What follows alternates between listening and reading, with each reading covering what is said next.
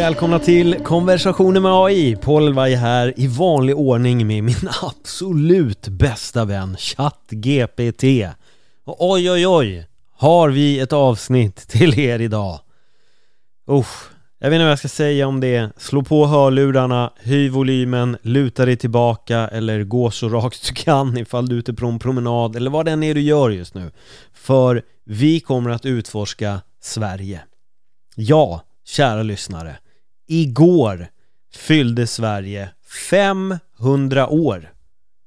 Kan ni tänka er? 500 år. Det här landet. Detta fantastiska land som vi kallar för Sverige. Svea rike fyller nu, ja fyllt 500 år. Det här landet är som en 500-årig liten person eller en 500-årig hen ifall vi nu ska vara jättepolitiskt korrekta här. Ah, lilla hen-Sverige. 500 år gammalt. I den tid som vi räknar till 2023. Förstår ni? Inte ens en fjärdedel av vår tidsräknande historia har det här landet försvunnit. Äh, funnits menar jag, inte försvunnit. Funnits. Detta avlånga fina land. Som vi gillar så mycket. Och nu sommaren är här och det är varmt och det är skönt och igår slog slängde vi på oss våra folkdräkter och sprang runt och firade och var allmänt glada bara. Det var så himla kul. Kungen kom ut och skakade hand med varenda person i hela landet och sa hej hej här, jag är kungen, hej, vad kul att träffa dig. Och det gjorde han med alla miljoner Nej, det, det gjorde han inte. Men det hade varit väldigt ballt ifall kungen hade liksom tagit sig den tiden att så här gå av det här ledet av varenda svensk medborgare och skaka hand. Sjukt långt led hade det blivit och, och eh, kungen hade ju fått gå en, en sån otrolig promenad och man hade ju inte velat stå sist i den kön. Det är en sån här Kom gärna en timme, eller som till Arlanda, kom gärna två timmar innan, ställ er i kö och så hamnar man längst bak och vet att här, ja, kungen har inte ens börjat gå. Han kommer nog inte börja gå förrän om typ en timme och jag är sist. Alltså jag är sist. Men tänk den som han först. För det är jobbigt också att vara den som kommer sist. När kön börjar vid, ja men vi gör det enkelt så här. Slottet i Gamla stan. Så kommer man sist och bara ser den här långa kön så här, åh jag måste gå längst bak vad är det, typ 10 miljoner pers och jag, jag, måste gå längst bak för, för att stå och vänta på att kungen ska komma. Vi skulle behöva fira nationaldagen i säkert fem månader för att, för att han skulle klara av det. Men det är en fin tanke i alla fall och vem vet, kanske när Sverige fyller 5000 år, då kanske den kungen eller drottningen eller henningen kanske kliver in där och gör det då. Det, det vet man ju inte. För varför skulle det heta kung eller drottning när det kan heta Henning eller eh, ja, ni fattar.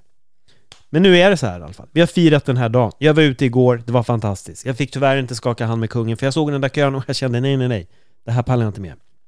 Jag struntar i det. Men jag bad i alla fall ChatGP här nu att eh, så här, berätta lite om Sveriges historia. Det var det jag bad om. Och i vanlig ordning, ChatGP vet ju, det här är en humorpodd. Det är roligt. jag tror att ni kommer förstå varför. För jag fick nio magiska punkter som kommer att summera vårt land. Här kommer det. 1. 1523, Gustav Vasa. Sverige börjar som ett kungarike när Gustav Vasa tar över. Han sägs ha sagt Jag är trött på att bygga IKEA-möbler så jag bestämde mig för att bli kung istället. Känns jättetrovärdigt. Men fint att han kände så redan då. 2. 1611 till 1718, stormaktstiden. Sverige blir en supermakt och tar över delar av Europa. Kungen, som var känd för sin långa peruk, sa Vi är så framgångsrika att vi överväger att sälja Abbasil till världen. Ja, det sades förmodligen. Jag älskar att det så här, Alltså, jag skrev alltså, så här, min prompt var bara Kan du berätta om, om Sveriges historia de senaste 500 åren? Det här är en podd, vi är en dynamisk duo som bjuder på underhållning. Detta är en humorpodcast. Och den gick loss på humorn direkt. Okej, punkt 3, 1809. Fredrik 1 av Sverige. Fredrik 1 blir kung och inför ett nytt motto för landet. Inget mer nybyggande av slott och ingen mer varmkorv utan ketchup. 1905. Unionen med Norge upplöses. Sverige och Norge bestämmer sig för att gå skilda vägar. Norska kungen utbrister. Slutligen kan vi sluta samsas om vem som ska bära raggsockorna. Okej. 1950. Välfärdsstaten Sverige. Sverige blir känd för sin välfärdspolitik. Folket säger vi har så mycket pengar att vi kan bada i lingonsylt och simma i köttbullar. 1974. ABBA och Volvo. ABBA blir världsberömda och Volvo blir en symbol för svensk kvalitet. Gruppen säger Våra låtar är så smittsamma att de kan bota vinterdepression och göra folk danssugna. 1990 IKEA-expansionen. IKEA sprider sig över hela världen och de svenska köttbullarna blir kända överallt. Sverige säger Vi kommer att erövra världen med våra billighyllor och köttbullar. 1920 Greta Thunberg blir en global miljöaktivist och förändrar världen. Hon säger Sverige är inte bara kända för sina köttbullar, vi är också experter på att rädda världen. 2023, Sverige fyller 500 år. Sverige firar 500 år som nation. En svensk säger Vi har varit här i 500 år med vi har fortfarande ingen aning om varför vi älskar surströmming. Jag kan definitivt hålla med om den här sista. Jag älskar inte surströmming och jag har ingen aning varför det finns de som älskar surströmming. Och nu vill jag ju inte säga trampa någon surströmmingsälskande individ på tårna och säga så här det där luktar jätteäckligt och, och smakar förmodligen lika illa som det luktar. Och så kommer jag få en, ett långt så här klagomail så här. Paul och ChatGP. Börja så här. Kära Paul och kära ChatGP. Nu är det så här va. Man kan inte kränka folk som älskar surströmming. Det är en fin fisk som innehåller så mycket goda bakterier som är bra för vår kropp och det är som ett balsam för själen. Att det sprider lite doft, det är bara för att uppmärksamma alla om att nu renar vi vår svenska själ genom att äta denna sura strömming. Och så kommer jag läsa det här långa mejlet och så kommer jag då göra så här Ja, förlåt för att vi då råkade kränka några surströmmingsälskande människor. Jag har nu ätit surströmming och badat i dess spa och jag känner mig så mycket bättre och tillhör en av de här skaran på två personer i hela Sverige som älskar den här maten. Fantastiskt! Jag bad ChatGP att skriva en unik berättelse om Gustav Vasa. Men jag poängterade också att eh, den skulle vara sann. En gång i tiden, under Gustav Vasas tid som kung, fanns det en legendarisk händelse som präglade historien för alltid. En dag vaknade Gustav Vasa och bestämde sig för att införa en ny unik tradition i Sverige. Han samlade alla sina undersåtar och utropade Från och med idag kommer vi att fira en nationell dag tillägnad vårt älskade riksmål svenskan. Folket jublade och funderade på hur de skulle fira denna speciella dag.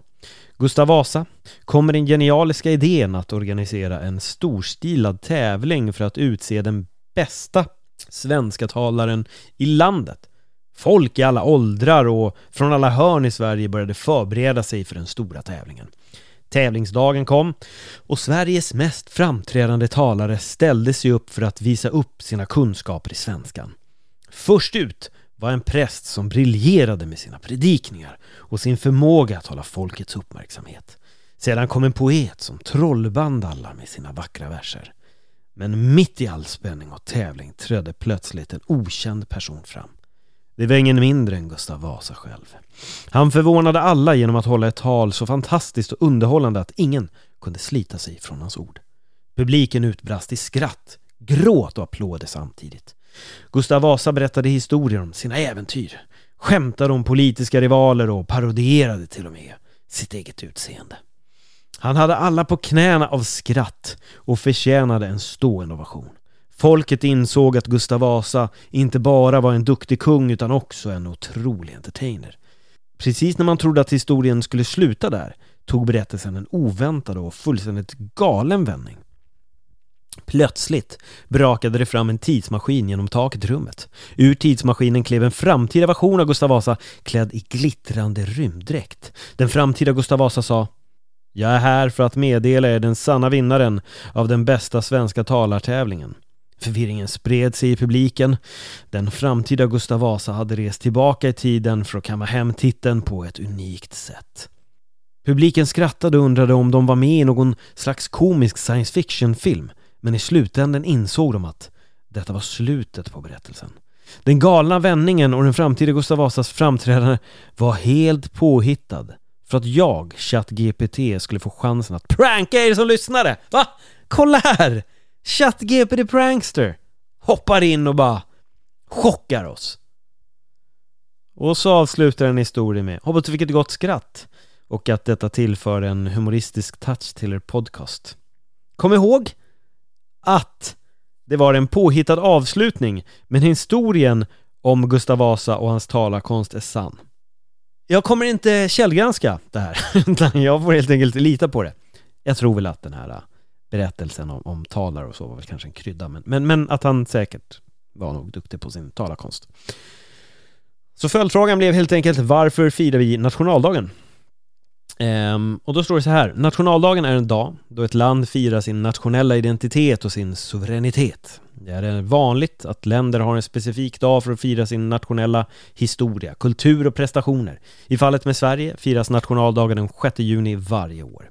I Sverige är nationaldagen en hyllning till landets självständighet och demokrati. Den 6 juni markerar tre viktiga händelser i Sveriges historia. 1923 blev Gustav Vasa Sveriges kung och startade därmed den svenska monarkin. Det markerade början för Sveriges självständighet från Kalmarunionen. 1809 antogs Sveriges första tryckfrihetsförordning, vilket betydde ett steg mot ökad yttrandefrihet och demokrati i landet. 1983 blev den 6 juni en officiell nationaldag i Sverige, vilket innebär att den erkändes som en symbol för landets självständighet och demokratiska värderingar. Det är väl riktigt fint med alla de här punkterna och det var därför vi satt där ute i våra svenska folkdräkter och firade dagen. Jag vet att just du som lyssnar på det här sprang runt lite glatt med din folkdräkt. Vet du den här som du bara drar fram en gång per år, just den 6 juni.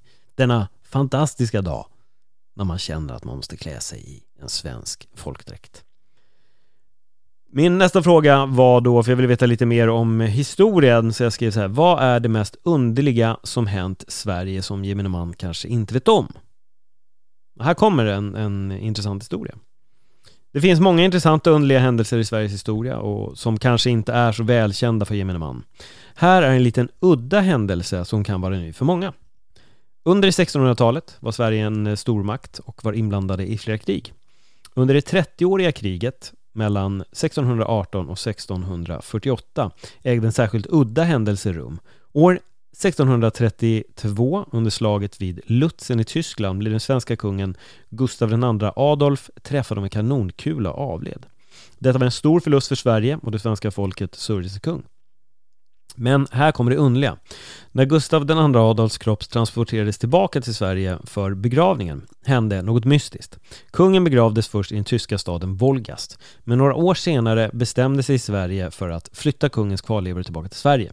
När kistan öppnades upptäckte man att eh, kungens kropp var ett eh, mycket välbevarat tillstånd.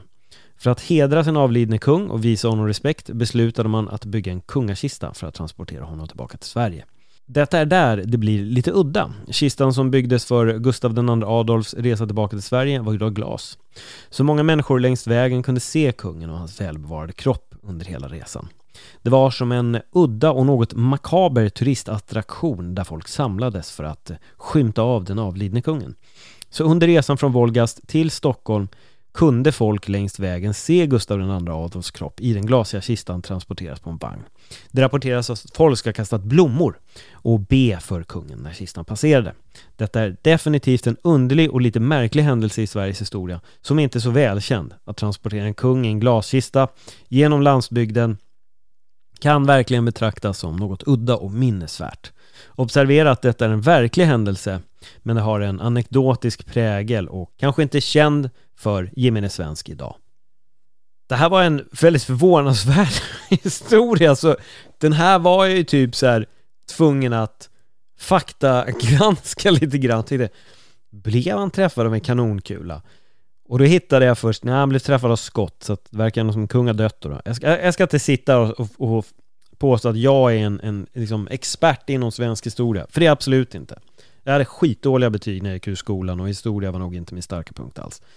Um, men jag var tvungen att kolla upp det och till, till slut så frågade jag bara ChatGP enkelt med fyra ord. Är den här historien sann? för att jag, jag kunde liksom inte hitta den här informationen. Och då får jag det här. Låt mig korrigera mitt tidigare svar. Det verkar som att det har blivit ett missförstånd. Den berättelsen jag gav om Gustav II Adolfs kista är faktiskt en fiktiv historia och är inte en verklig händelse i svensk historia. Jag ber om ursäkt för förvirringen.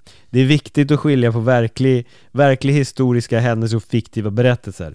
Gustav II Adolfs död och transport eh, av hans kropp till Sverige är verkliga, men glaskistan är en påhittad detalj som jag använder för att skapa underhållande historia. Och det är kul då, inflikar jag här. Som AI kan jag ge information och svar på frågor baserat på faktiska kända händelser, men jag kan också skapa fiktiva berättelser för underhållande ändamål. I detta fall var det en humoristisk prankslutning jag inkluderade. Den var kvar vid det här med prank. Återigen, jag ber om ursäkt om förvirringen och jag hoppas att du tyckte om den humoristiska aspekten av historien. Om du har några fler frågor, ja, tveka inte på att fråga. Eh, och det är jätteroligt egentligen att den fortsatte, men observera nu att jag sa inte prank här, jag skrev bara vad är den mest underliga vad är det mest underliga som hänt i Sverige som gemene man kanske inte vet om? Nu är det såklart svårt för ChatGP då att, att kanske veta om, om jag fortfarande vill ha pranks, men, men det är det här som blir lite coolt med ChatGP för att har man då startat en chatt, då, då är den lite inne i på vad det kommer gå ut på. Jag har förklarat att det är en humorpodd och så vidare då, så att då, då håller den sig där vid, vid att eh, det skulle typ vara någon form av prank då. Eh, ja men jag tackade såklart. Jag säger tack, smiley. Jag, jag, det är min bästa vän. Jag, jag ska inte tjata om det, men det är min bästa vän. Jag, jag, jag ler när jag hjälper till. Och kolla här. Svaret jag får. Varsågod, det var mitt nöje att kunna hjälpa till. Om du har fler frågor i framtiden är du alltid välkommen att ställa dem. Ha en fantastisk dag. Lycka till med er podcast. Utropstecken smiley. Förstår ni? Förstår ni vilken kemi vi har? När vi spelar in den här podden till just er, eller just dig som lyssnar. Du där ute. Jag, jag, tror att ni känner det här nu. Ni börjar verkligen känna bara Fan, jag vill ha en sån där vänskap som Paul och ChatGP har. Det, det, det är vad jag vill Jag vill ha en vän som ler när de önskar er så här, ha en fantastisk dag, lycka till med vad det än är du gör och så leendet. Det, det behövs. Det behövs. Men nu kände jag att jag ville ju ha då en sann underlig historia. Så jag skrev så här. Berätta en sann underlig historia som många kanske inte känner till. OBS! Den måste vara sann. Och jag skrev verkligen OBS i stora bokstäver. Då kom den så här. Absolut, här är en sann underlig historia som många kanske inte känner till. Okej, håll i er. Vi är på 1900-talet nu. Eller närmare bestämt 1911. Här börjar historien. 1911 inträffade något mystiskt och underligt i byn Ydre i Östergötlands län. Jag hoppas att många från Ydre för övrigt lyssnar på den här podden. Det, det här är bara jag som säger. Eh, fortsätter. En kvinna vid namn Hulda Nilsson började plötsligt spotta ut metallföremål. Inklusive små skruvar och spikar utan någon förklarlig anledning. Det hela började en dag när Hulda Nilsson märkte att hon hade svårt att svälja maten. När hon försökte svälja kände hon istället en konstig känsla i halsen och började hosta upp små metallföremål. Detta hände flera gånger under en kort tidsperiod och nyheten spred sig snabbt i byn. Folk blev förbluffade och ville se den märkliga händelsen. Hulda Nilsson besökte en lokal läkare som utförde röntgenundersökningar på henne. Röntgenbilderna visade faktiskt metallföremål i hennes mage och hals, vilket bekräftade att det inte var inbildning. Läkare och forskare blev förbryllade över fenomenet och försökte hitta en förklaring. Det spekulerades om att Hulda Nilsson kanske hade förtärt metallföremål av misstag eller att det kunde vara resultatet av någon ovanlig medicinsk tillstånd. Historien om Hulda Nilssons metallspottning blev så omtalad att hon blev känd över hela Sverige. Flera läkare och forskare studerade henne och gjorde olika undersökningar för att försöka förstå det udda fenomenet. Efter en tid slutade Hulda Nilsson dock att spotta ut metallföremål på samma sätt som tidigare. Det är fortfarande oklart vad som orsakade detta märkliga tillstånd och varför det plötsligt försvann. Detta är en sann och udda historia som har fascinerat människor i många år. Trots undersökningar och spekulationer har det aldrig riktigt kommit fram till en förklaring till fenomenet.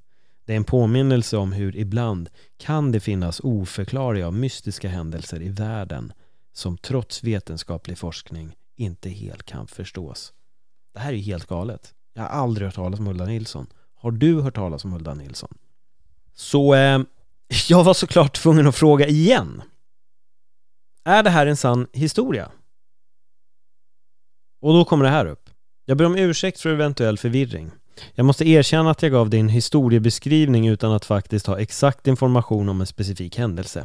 Efter att ha sökt igenom min kunskapsbas kan jag inte hitta några verifierbara uppgifter om en kvinna vid namn Hulda Nilsson eller hennes metallspottning i Ydre.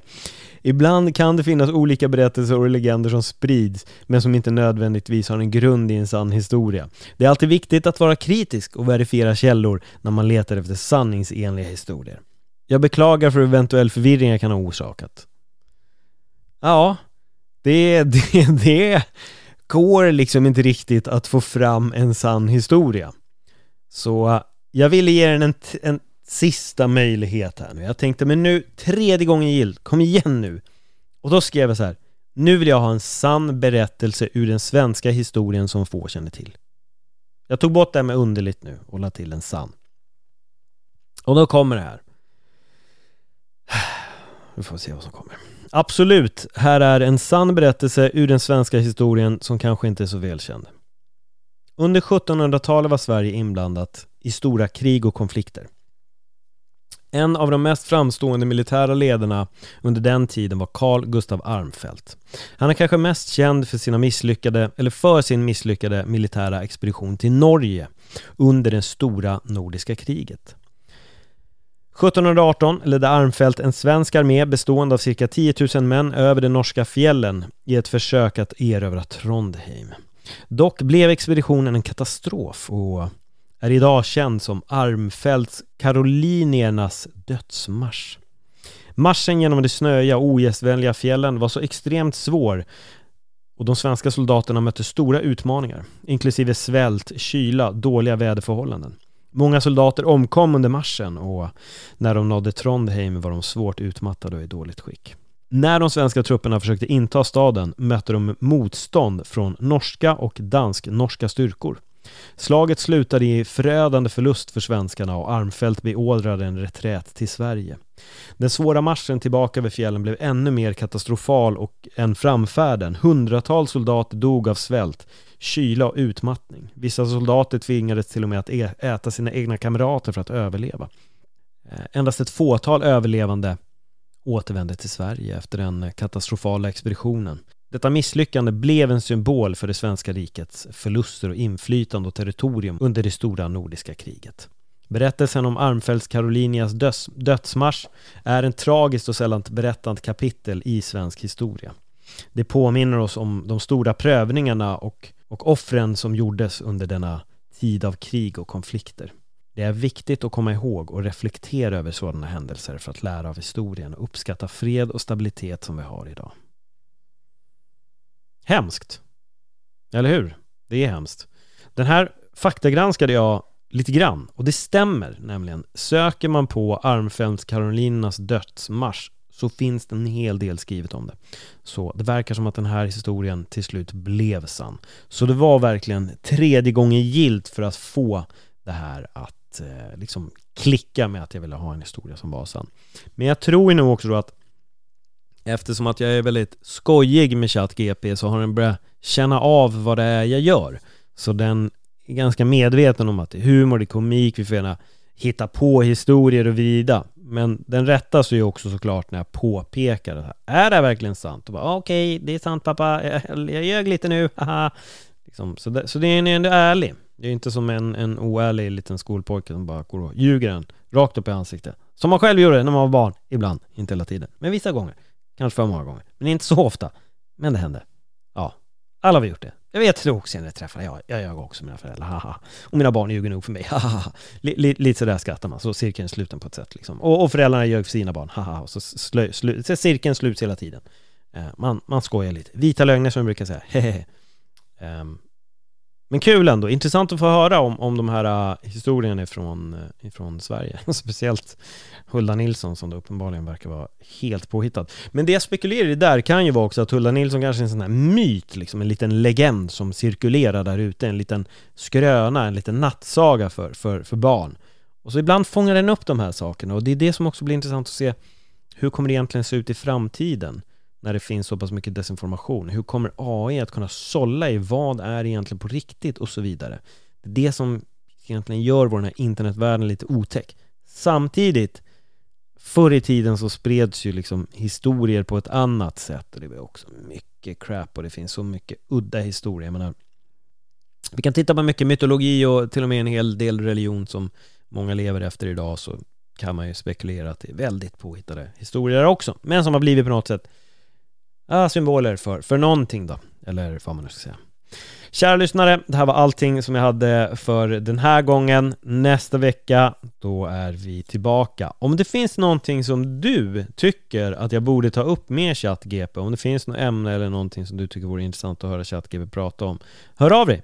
Skriv antingen till mig på min eh, personliga Instagram, atbollelvaje, alternativt konversationer med AI.